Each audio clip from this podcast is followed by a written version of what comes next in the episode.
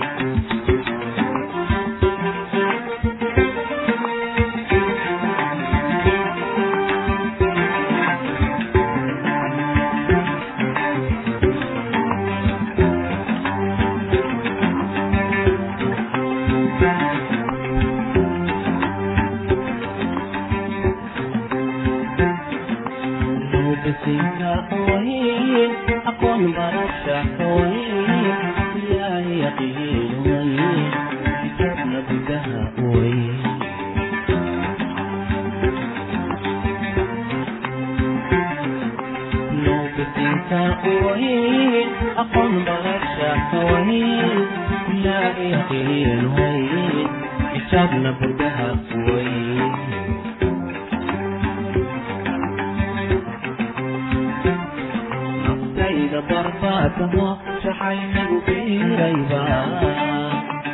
Saibu bahaya Saibu bahaya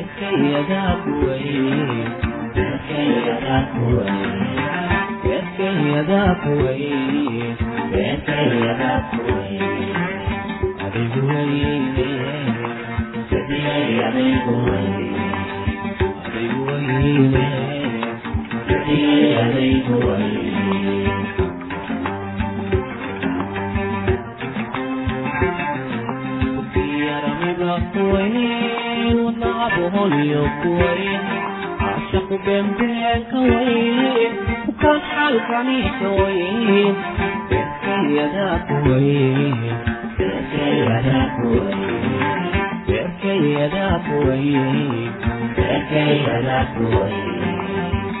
com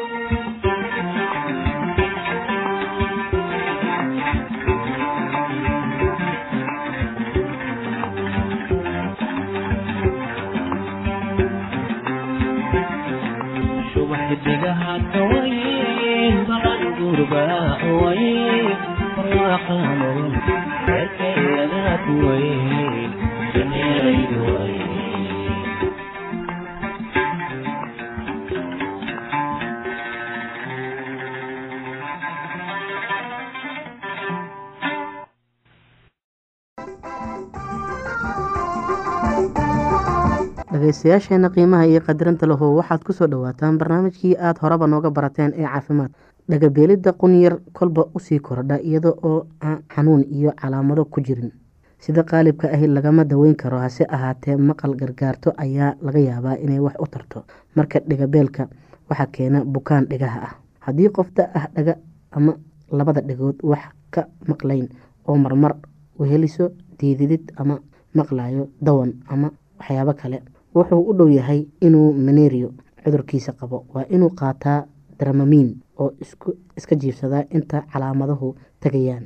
Waa inaan milix cuntada ku darsan haddii nafaqo uu la-daan waayo ama dhibaatada ku soo noqoto. Waa in uu islamarkaa talo dhakhtarnimo doontaa hurdo la'aanta waa caadi in dadka da-da ahi ay seexdaan in ka yar in dadka ka yaryar daawooyin laga yaabo in ay hurdada keenayaan oo jira hase ahaatee waa waxa wacani in la isticmaalo iyadoo aan laga maarmooye talooyinka sidaad u seexan lahayd dhaqdhaqaaq badan maalintii samee.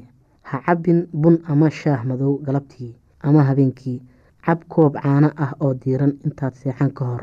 Biyo diiran ku mayro intaad seexan. Haddaad seexan weydo qaado histamiin dile ama brotesamiin ama dramamiin. Saacad iyo badh ka hor inta aadan seexan kuwan waa lagu qamroodaa sida dawooyinka xoogga waaweyn leh.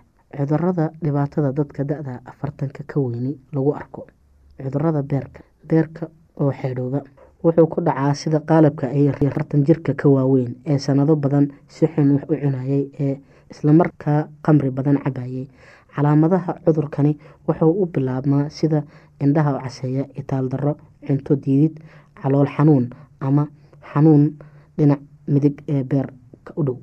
Marka uu cudurkaasi xumaado qofka waa sii weydoobaa inuu dhiig hunqaaco kuwa oo aada u liita. Waa laga caloosh dheecaan ka buuxsamo ilaa ay u ekaato durbaan.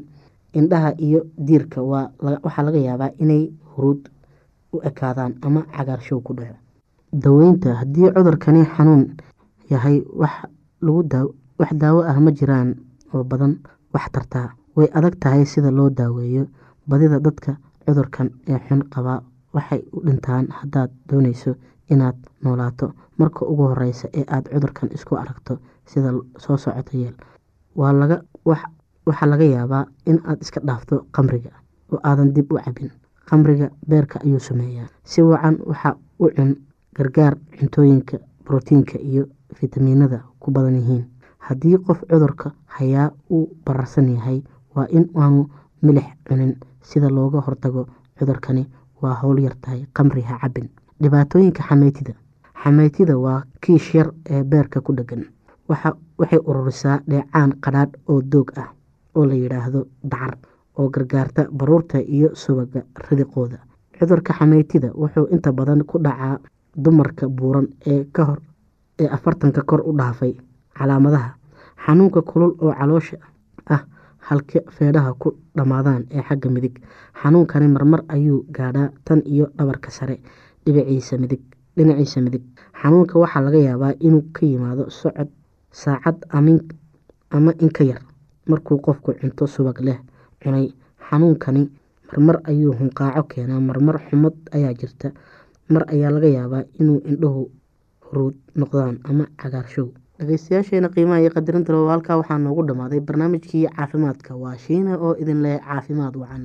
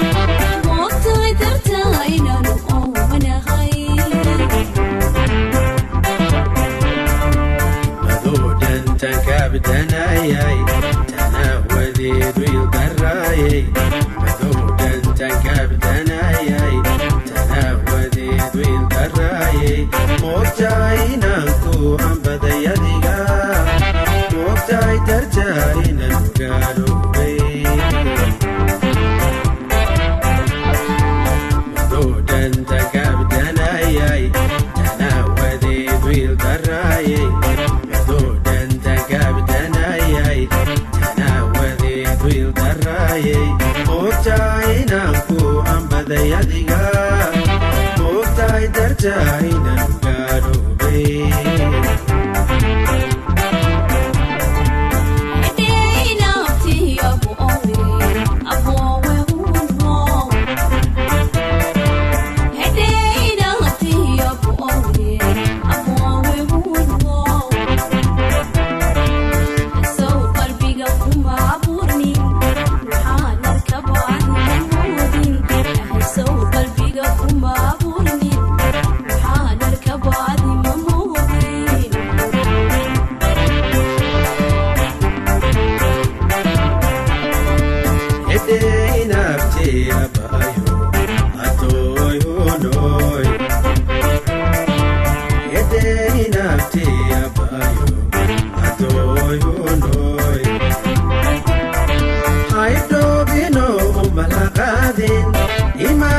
aleeh qahalmaynin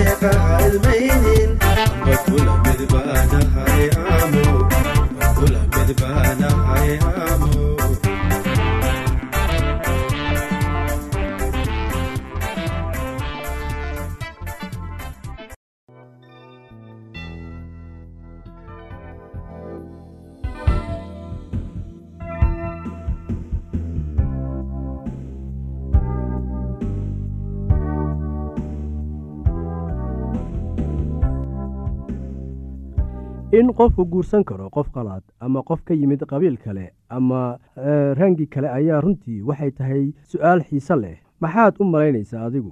Qofku ma inuu guursadaa cid ka timid qabiil kale oo aan kiisa ahayn ama qof ka yimid waddan kale qabiil kale iyo rangi kale oo aan kiisa la mid ahayn. Waxaan uga dan leeyahay midab kale aan kiisa ahayn maadaama ay baryahatan sii kordhayso xurgufta dhex taal dadka kale ka kala yimaada waddamo kala duwan leh dhalasho kala duwan ama qabiilo kala duwan sida caadiga ah.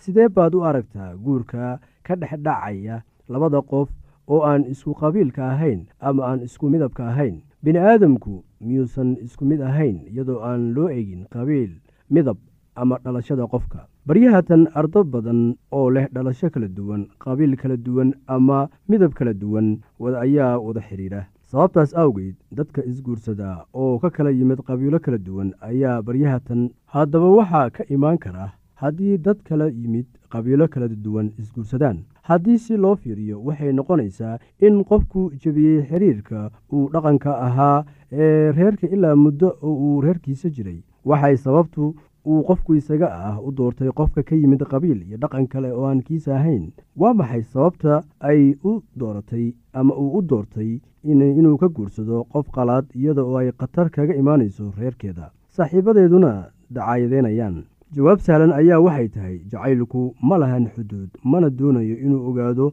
midabka iyo caqiiqada qofka kale. Taasi waxaan uga dan leeyahay jacaylku marnaba ma eego wax ku saabsan xagga midabka iyo caqiidada qofka kale laakiin xitaa waxaa jiri kara waxyaalo kale oo uu horseeday go'aankan kama dambaysta ah. Waxaa laga yaabaa in labada qof ee isguursanaya ay yihiin dad mutacalimiin ah oo aaminsan fikradooyin kala duwan doonayana inay waajahaan wax kasta oo bulshadooda kaga imaan kara si ay u bandhigaan xornimada iyo fikradaha ay aaminsan yihiin. Ama ma loo malaynayo inay ka hor imaanayaan waalidiintooda saaxiibadooda diintooda dhaqankooda iyo xeerka u degan bulshada.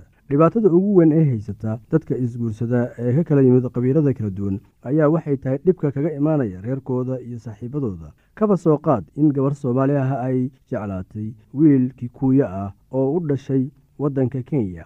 Waxaad maxaad u malaynay inay reerkooda kaga jawaabayaan? Gabadhu xitaa maadaama ay jeceshahay wiilka haddana waxay la kulmaysaa aflagaado qursi iyo farku-fiiqid iyadoo oo la leeyahay tii kikuuyada guursatay waa taa. Marka haddii labada qof isjecel yihiin isku fikrad yihiin oo is-aaminsan yihiin waxba kuma dhisna qabiilada ay ka kala yimaadeen. Bini aadamku waa isku mid oo ilaah ayaa wada abuuray umana bannaana in qofku guursado abuurka ilaah. Marka labadan qof isguursadaan ayaa waxay soo bixi karaa arrin kale oo foolxun oo ku salaysan kala duwanaanshaha dhaqankooda bulshadooda iyo heerka waxbarasho ay ka kala gaarsiisan yihiin. Waxaa laga yaabaa in mid waxa u muhiim uu haysto kan kale uusan sidaaba u qadarin. Labada qof isguursanaya waa inay si dhab ah oo taxadar leh u falanqeeyaan kala duwanaanshaha dhaqankooda intii aanay isguursan.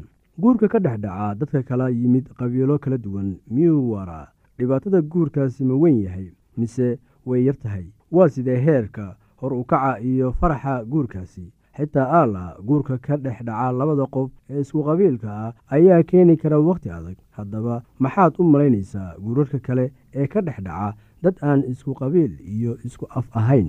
Xaaladdu way ka sii daran tahay. Qabiilka iyo bulshada uu qofku ka yimid ayaa waxay saameyn ku yeelanaysaa sida uu qofku u dhaqmo oo u fikiro iyo qaabka uu u noolaan doono mustaqbalka. Sida loo soo barbaariyey marka ay carruurta ahaayeen ayaa kala duwan. Waxaa kaloo iyana kala duwan cayaaraha ay yaqaaniin luuqadda iyo habka loo hadlo. Haddii aan soo gebagabeeyo hadalka wax waliba way ku kala duwan yihiin. Haddii aynu eegno xagga waddanka ameerika guurka ka dhex dhaca dadka kala duwan ayaa waxa uu keenaa dhibaato waxaa loo arkaa inuu yahay guur ka dhex dhacay qof madow ah iyo qof caddaan ah. Haddii madow iyo caddaan isguursadaan reerka madowga ayaa guurka soo dhoweynaya marka la barbar dhigo reerka caddaanka ah. Madowga iyo caddaanka isguursaday ayaa waxay sahal u arkaan inay ku noolaadaan meesha madowgu degto.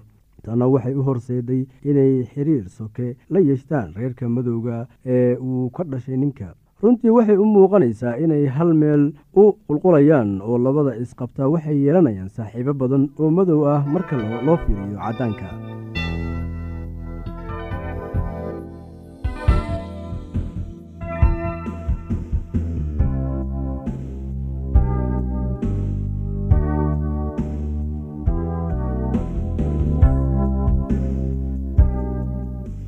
haddii aad qabto wax su'aalaha fadlan inala soo xiriir. Ciwaankeenna waa radio somaly at yahu dt com. Mar labaad ciwaankeenna waa radio somaly at yahu dt com. Barnaamijyadeena maanta waa naga intaas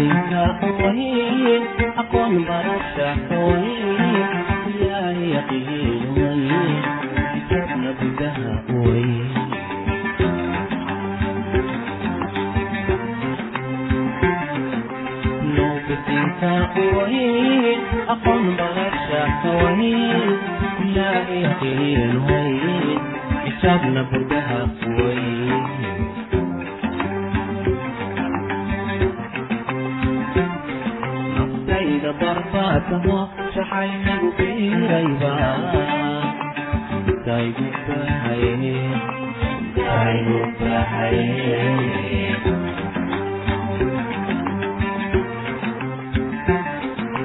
Sayda barbaadamo jaxaynigu biirayba. Daygu bahaye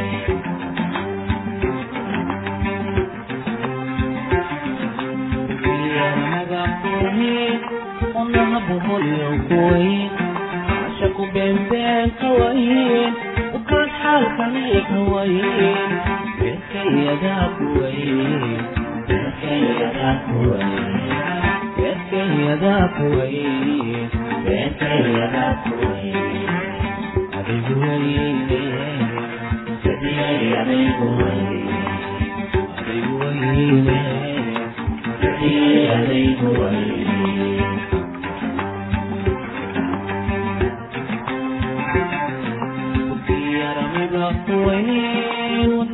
holyo kuwayn caashaqu beenbeen ka wayn ukaan xaalkani ka wayn beerkayadaa kuwayn beerkayadaa kuwayn beerkayadaa kuwayn beerkayadaa kuwayn adigu wayne sidiyay adaygu wayn adaygu wayne sidiyay adaygu wayn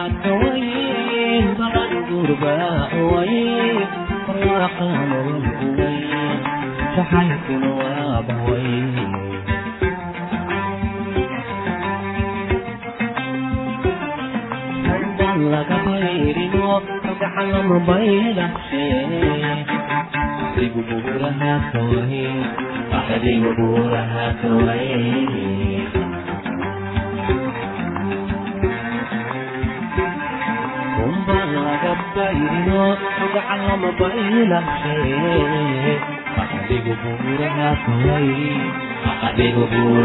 kaway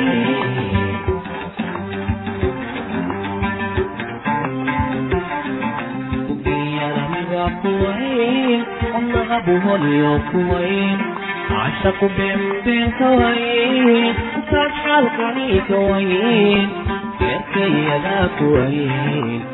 xaalkani ka wayn beerkayadaa kuwayn sidiyayadaygu beerkayadaa kuwayn sidiyayadaygu wayn adigu wayne sidiyayadaygu wayn adigu wayne